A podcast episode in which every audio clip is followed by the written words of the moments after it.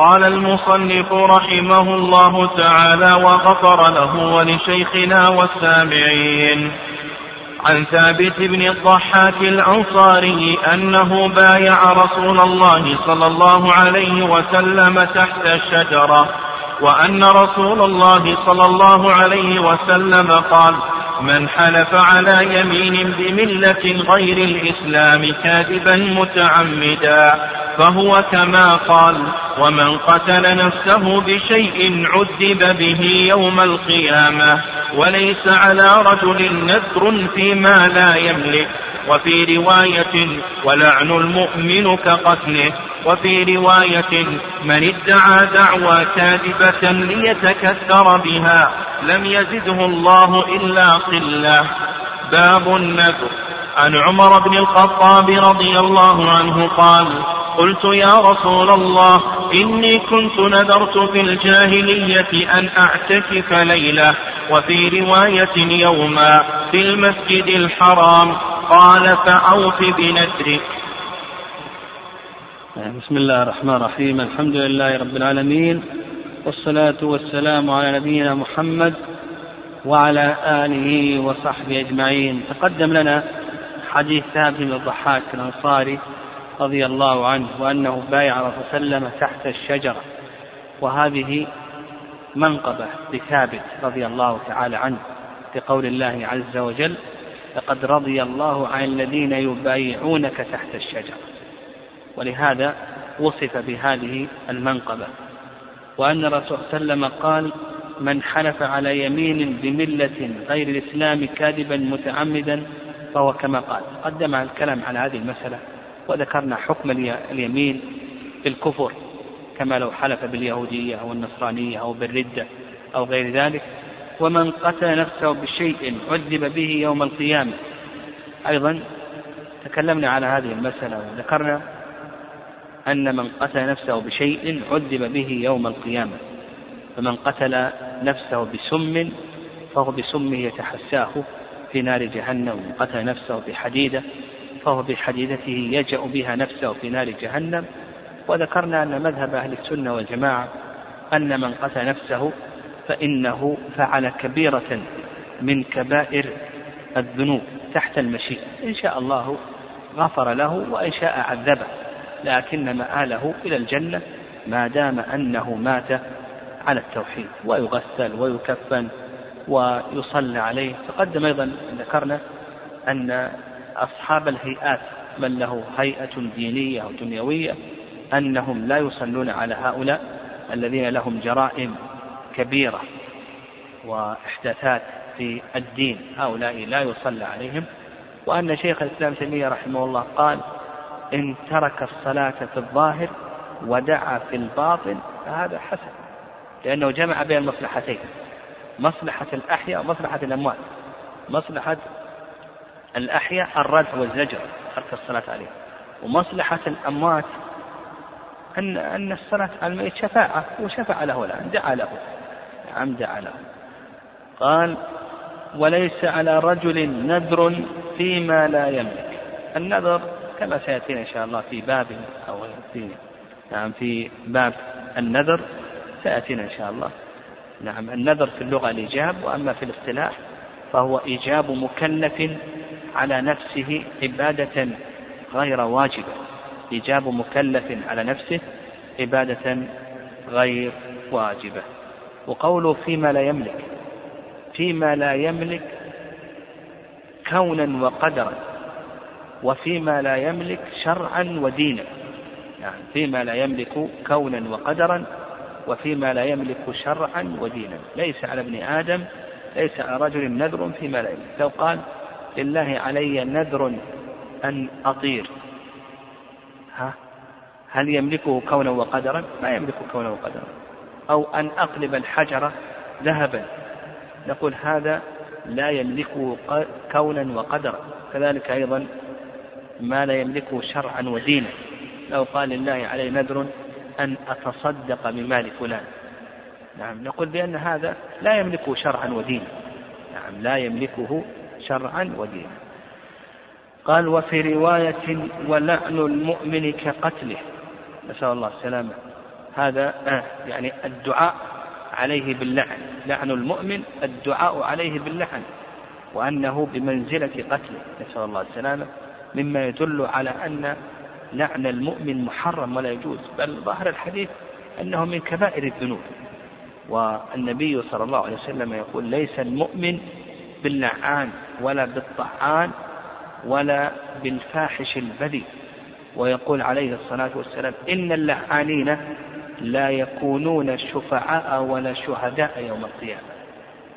فيجب على المسلم أن يحفظ لسانه وأن يتقي الله عز وجل فيما يخرج من فمه وألا ينعل وأن أن يمسك نفسه كما قال صلى الله عليه وسلم لا تغضب يعني لا ينفذ الغضب. قال وفي رواية من ادعى دعوى كاذبة ليتكثر بها ليتكثر بها لم يزده لم يزده الله إلا قلة. ادعى كاذبة تقدم الكلام عليه. وأنه يحرم أكل أموال الناس بالدعاوى الباطلة والحجج الواهية والأيمان الفاجرة. وأن من أخذ أموال الناس يريد أدى الله عنه. من أخذها يريد إتلافها أتلفها الله أتلفه الله. والله سبحانه وتعالى يتلف ماله. يعني يتلف ماله. ولهذا الذين يأخذون أموال الناس تتلف عليهم أموالهم. إما أن تتلف تلفا حسيا ظاهرا مباشرا. تصيبه الآفات والجوائح أو أنها تتلف تلف معنوي ما يبارك فيها. نعم لا لا يبارك الله عز وجل فيها. نعم هو قد يكون التلف في دينه قد يكون التلف في صحته قد يكون الله يعني أنواع التلف كثير يعني كثير. الذين يتجرؤون على أموال الناس ويأكلون أموال الناس ولا يعطونهم حقوقهم يمطلونهم حقوقهم إلى آخره. لم يزده الله إلا قلة. قلة في دينه قلة في بدنه قلة في ماله قلة في صحته في بركة المال إلى آخره. نسأل الله السلامة في هذا نعم أنه آه، يحذر المسلم نعم المسلم آه، يحذر من آه، أكل أموال الناس بالباطل. وقوله عليه الصلاة والسلام فهو كما قال أيضا ظاهر الحديث ماذا؟ يعني لو حلف باليهودية أو بالنصرانية ظاهر الحديث ظاهر قوله نعم ظاهر ذلك أنه كما قال نعم كما قال لكن هذه المسألة تقدم الكلام عليها وأن بعض العلماء قال بأن هذا يقصد به الزجر والردع نعم يقصد به الزجر والردع نعم. والتغليظ. والرأي الثاني يعني اختيار شيخ الإسلام تيمية رحمه الله في ذلك يقول بأن هذا سبب من الأسباب نسأل الله السلامة. أن يعني أنه إذا حلف باليهودية والنصرانية أن هذا سبب من الأسباب التي قد توقع في اليهودية والنصرانية. فالإنسان عليه أنه يحذر. يعني يحذر من نعم من الحلف بالكفر نعم من الحلف بالكفر نعم قال رحمه الله باب النذر. نعم النذر ذكرنا تعريفه و نعم النذر ذكرنا تعريفه وأنه في اللغة الإيجاب وأما في الاصطلاح فهو إيجاب مكلف على نفسه عبادة غير واجبة. والنذر ينقسم إلى قسمين يعني حكمه أو نعم أقسامه من حيث الحكم التكليفي. وسيأتينا إن شاء الله ما يتعلق بأقسامه من حيث الحكم الوضعي. فمن حيث الحكم التكليفي نقول بأنه ينقسم إلى قسمين. القسم الأول النذر المطلق كأن يقول لله علي أن أصلي ركعتين لله علي أن أصوم يوما أو يوم الاثنين ونحو ذلك. هذا النذر المطلق. القسم الثاني النذر المعلق وهو أن يعلق نذره على حصول منحة أو النجاة من محنة كأن يقول إن شفى الله مريضي صمت كذا وكذا أو إن سلم مالي أو إن نجحت في الامتحان أو إن أخذت درجة كذا وكذا. فلله علي أن أتصدق بكذا وكذا. فحكم النذر في هذين القسمين. يعني بعض العلماء قال بأنه مكروه لأن النبي صلى الله عليه وسلم نهى عن ذلك كما سيأتينا إن شاء الله. النبي صلى الله عليه وسلم نهى عن النذر وقال إنه لا يأتي بخير وإنما يستخرج من البخيل. ومال بعض أهل العلم إلى أنه محرم ولا يجوز. يعني لأن النبي صلى الله عليه وسلم نهى عن ذلك والأصل في النهي التحريم. والرأي الثالث التفصيل. أما النذر المطلق فإنه مستحب لأن الله عز وجل أثنى على الذين يوفون بالنذر يوفون بالنذر ويخافون يوما كان شره مستطيرا. وأما النذر المعلق فهذا هو ال- الذي نهى عنه النبي صلى الله عليه وسلم. يعني يحملون النهي وسلم نهى عن النذر وقال إنه لا يأتي بخير وإنما يستخرج به من البخيل على النذر المعلق. وهذا التفصيل قريب. لماذا؟ لأن أه لأنك إذا تأملت يعني قريب لوجهين. الوجه الأول أنك إذا تأملت نذور الناس تجد أنها في النذر المطلق ولا النذر المعلق؟ المعلق. لأن كثير من الناس يقع في محنة أو يرغب في منحة. ثم يعلق إن نجحت فلله علي كذا وكذا. إن شفيت من هذا المرض فلله علي كذا وكذا. أو تقول المرأة إن سلم ولدي أو إن رجع ولدي فلله إلى آخره.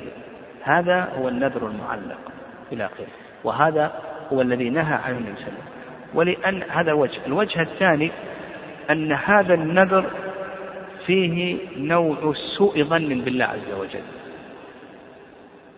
كأن الإنسان يظن بالله عز وجل سوءا وأن الله سبحانه وتعالى لا يحقق له مطلوبه ولا يزيل مكروهه إلا أن أن يشرط لله عز وجل شرطا. فهذا فيه نوع سوء ظن بجود الله وكرمه ورحمته سبحانه وتعالى. الله سبحانه وتعالى غني عنك. فلهذا المسلم عليه أن يحذر من النذر بقسمين لكن أما النذر المعلق فهذا لا إشكال بأنه ينهى عنه وأنه مكروه إن لم نقل بأنه محرم وهذا هو الذي يقع فيه كثير من الناس.